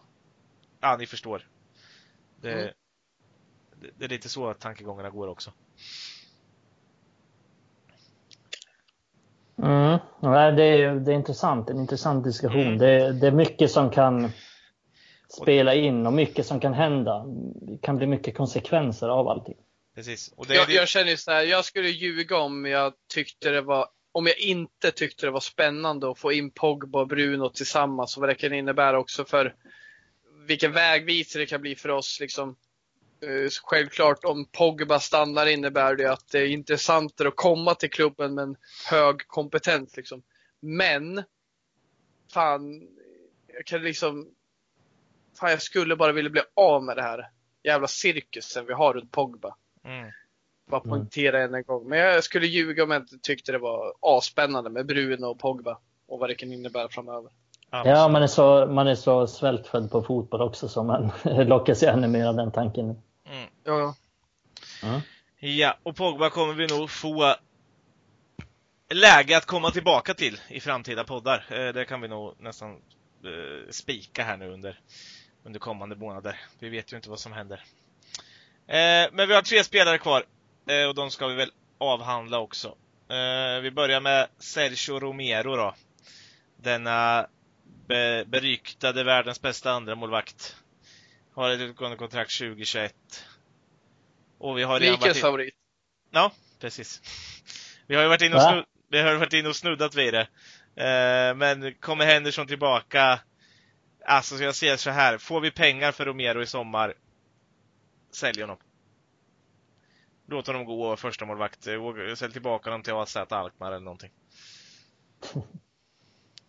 Eh, ja, men alltså han, det är ju lite svårt. Jag ser ju Romero alltså bara som en andra målvakt. Det, jag ser inte att de Gea och Henderson till exempel är samtidigt i klubben. Det tycker jag det är något slags slöseri. Någon av dem måste bort. Så är det bara. Um, så jag ser inte riktigt att Romeros roll påverkas så mycket. Förstår ni vad jag menar? Mm. Så jag ser inte att hans roll påverkas så mycket av Henderson in eller de Gea ut eller vem som kommer. Han är liksom fast. Han är tvåa oavsett. Men, men samtidigt, skulle du inte kunna se att man kan sälja honom om du skulle få en, en slant för honom i sommar? Romero Nej, går ju liksom alltså... rätt in i Bournemouth startelva. Ja. Ja, det gör han väl. Om, uh, han får, om uh, United gör han tillgänglig liksom. Mm. Ja. Känns inte som han är svår att göra sig av med, men däremot så har han nog ingen anledning att gå ifrån. Nej. Han verkar Heller. inte ha så stora ambitioner. Han är ju, det är inte ofta han har varit första målvakt i något klubblag egentligen. Han är ju 33, mm, 33 år i år. Jag var tvungen att räkna, mina mattekunskaper inte så bra. Jag vet att han är född 87, men jag var tvungen att räkna ändå. men, mm, ja, så det, jag tror inte att han verkar inte ha så stora ambitioner så jag tror att han är, han är chill med att vara kvar. Och jag ser inte riktigt att United har någon anledning att, att, att sälja honom. För som, som jag sa så ser jag inte att hans roll påverkas nämnvärt av de Gea eller Henderson-frågan. För att jag ser honom ändå som tvåa. Jag ser att ska Henderson komma, ja, då vill jag att Henderson ska vara nummer ett. Och då vill jag att de Gea ska säljas. Ja, okej, okay, du ser det så. Ja. Mm. Mm. Och, Men då är jag med. Och liksom, ja. Petar inte Henderson de Gea, ja, då får man ju sälja Henderson. Liksom, han kommer inte acceptera att sitta på bänken i United. Ingen av dem kommer göra det. Så att det är lika bra att sälja dem på en gång medan värdet är högt. För att sitter de Gea på bänken i United en säsong, ja då kommer han bli jävligt svår att bli av med kan jag säga. Mm. Han är ja, men redan, värt att poängtera han, det är väl att han liksom är vår, en av våra, han är väl kanske vår bäst betalde spelare. Och ska vara andra ja. målvakt liksom. Det är oskäligt. Ja. Ja, det är oskäligt och plus att vi inte, ja, det är redan nu svårt att bli av med de Gea. Om vi säger så. Om vi tänker att vi skulle försöka bli av med honom redan nu så är det redan nu svårt och det kommer vara ännu svårare om man sitter på bänken en säsong. Mm. Då kommer man ju liksom, vad ska man göra då? Det, det går inte att bli av med honom. Men oavsett vad då, om vi säger så här. Eh, ingen förlängning på Romero ser jag i alla fall hända. Nej, det ser inte jag Nej. Nej. Jag, ser, jag, jag, jag säger så här, får vi några, för min del, får vi pengar för i sommar, jag skulle kunna sälja honom. Jag ser ändå, ja, jag vet inte, men, ja, men, men jag ser inte heller att jag, jag skulle gråta floder om man går som bossman 2021. Nej, Nej det ska inte heller. pengar, vi kommer få typ 8 miljoner pund av honom från uh, Sheffield United. ja men, han är inte ja. värd mer. Men Nej, det är han. Han blir också överskattad tycker jag, för att han kommer in och gör bra matcher ibland. Men jag tror det är därför jag sa att du, du, han är din favorit, för du nämner ja, alltid det. Jag nämner alltid det. Sen nämner jag också ofta att han är rätt ointelligent tror jag.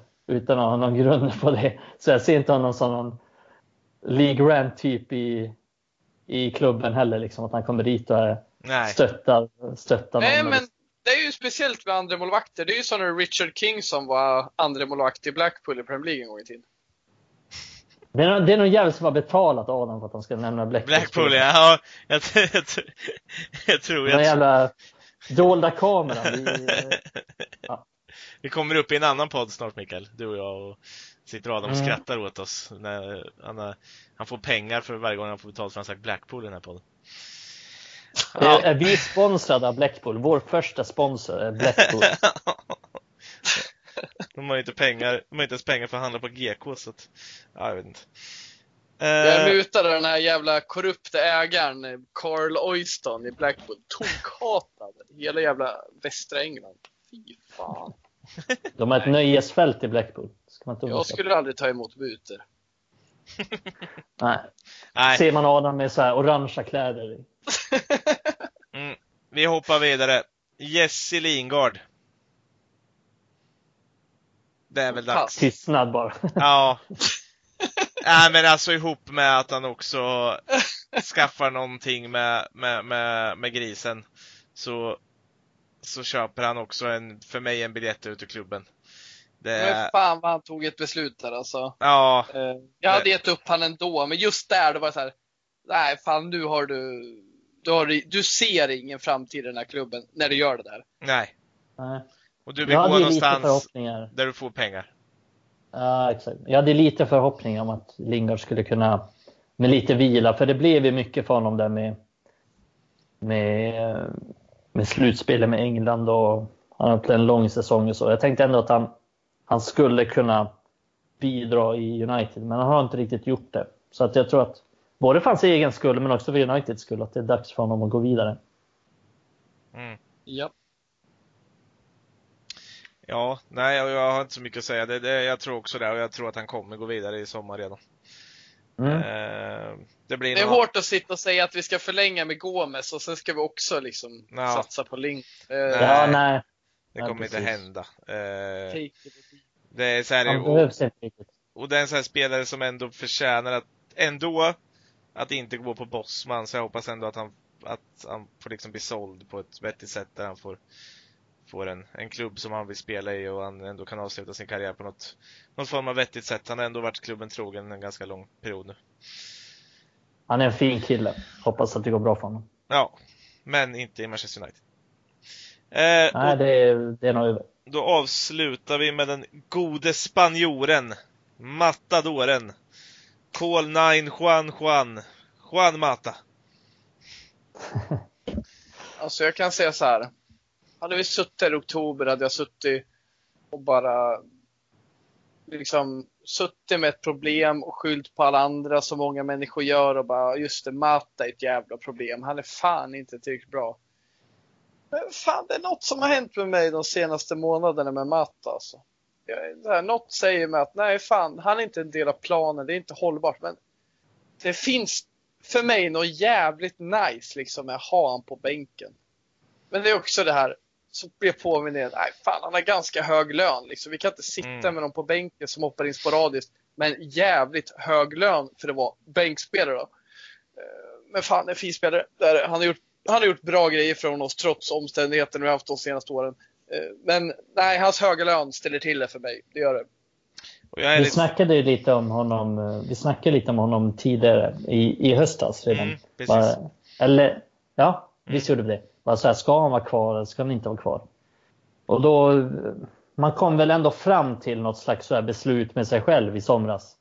Att ja, men en säsong till, han är en bra, bra förebild för de unga och så vidare. Han kan komma in och göra bra insatser ibland. Och då tänkte man verkligen, ja men det är sista året.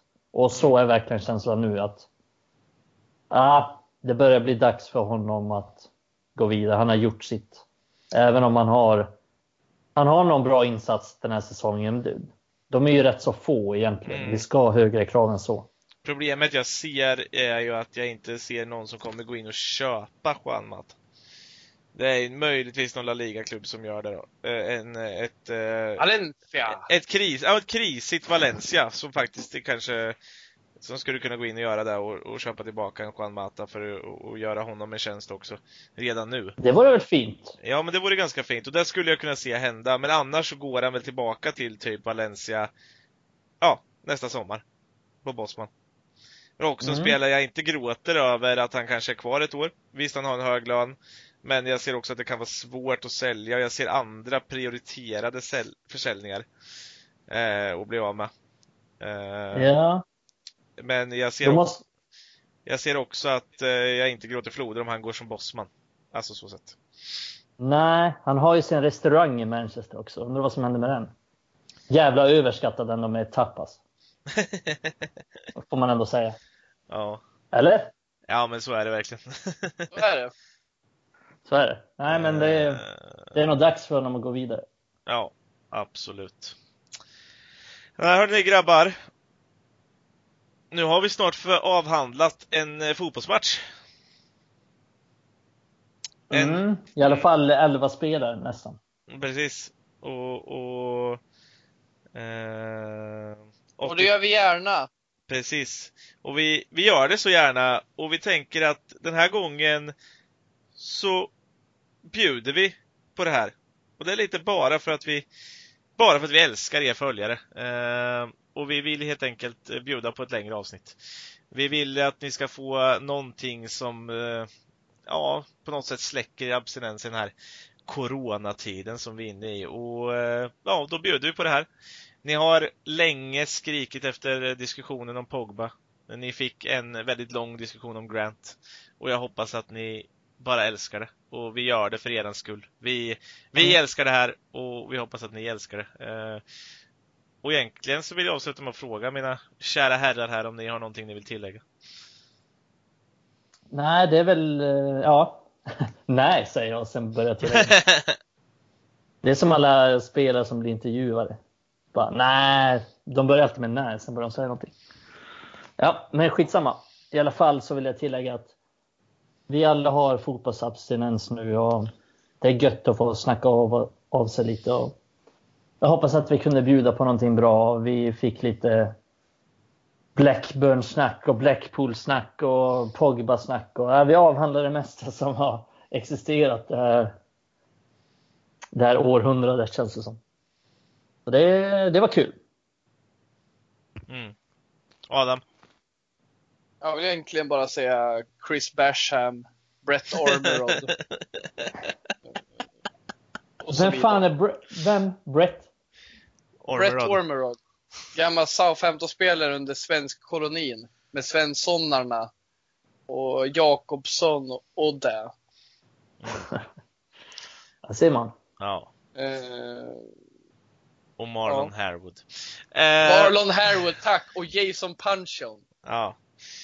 Vi avslutar alltså med att eh, namedroppa lite härliga fotbollsspelare. Eh, och vi hoppas som sagt att ni har älskat det här. Eh, glöm verkligen inte eh, när ni har lyssnat klart på det här och om ni inte har gjort det så lyssna på föregående avsnitt när eh, Bojan Djordjic gästade oss. Det är ett, eh, ett avsnitt som jag tycker att eh, alla ska lyssna på för man missar verkligen någonting om man inte gör det. Och eh, så önskar vi att ni följer oss på Twitter, eh, Eh, följer oss på Instagram under de här dagarna, eller den här tiden. Vi kommer vara väldigt aktiva där. Eh, håll även koll på Facebook, det dyker upp saker där, framförallt fredagskrönikorna på fredagar. Men glöm inte att följa oss på Spotify eller iTunes eller Acast där ni nu lyssnar på det här så att ni verkligen får upp varje gång när eh, det kommer ett nytt poddavsnitt. Vi tackar för idag hörni. Bye bye!